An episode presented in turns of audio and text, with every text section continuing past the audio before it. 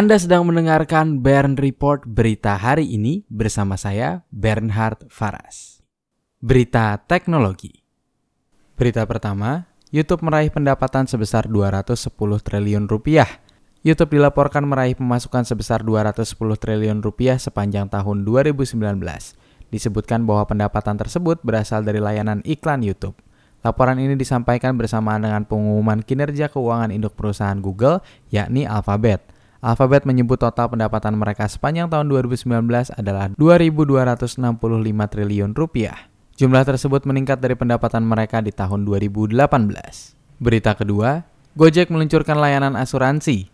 Gojek melebarkan bisnis mereka dengan menambahkan produk asuransi dalam layanannya yaitu GoSure. Produk terbaru ini menggandeng pasar polis sebagai platform penyedia asuransi digital dan sudah bisa diakses oleh pengguna aplikasi. Gojek menyebut bahwa penjualan GoSure meningkat sebanyak 60 kali lipat sejak uji coba pada bulan Oktober 2019. Berita ketiga, pemerintah punya pendekatan khusus untuk menarik pajak Netflix.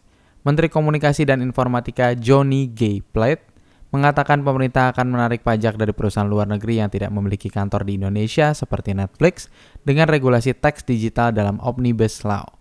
Johnny menyebut aturan tersebut memungkinkan pemerintah untuk menarik pajak walau perusahaan hanya memiliki kantor secara virtual atau online saja.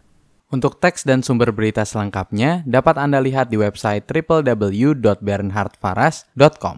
Terima kasih sudah mendengarkan Bern Report berita hari ini. Jangan lupa untuk membagikan kanal ini kepada kerabat Anda, tekan tombol like dan subscribe untuk mendapatkan kabar terkini setiap pagi dari hari Senin hingga hari Jumat pada pukul 6.30 waktu Indonesia Barat. Saya Bernhard Faras pamit undur diri. Semangat selalu dalam menjalani hari ini.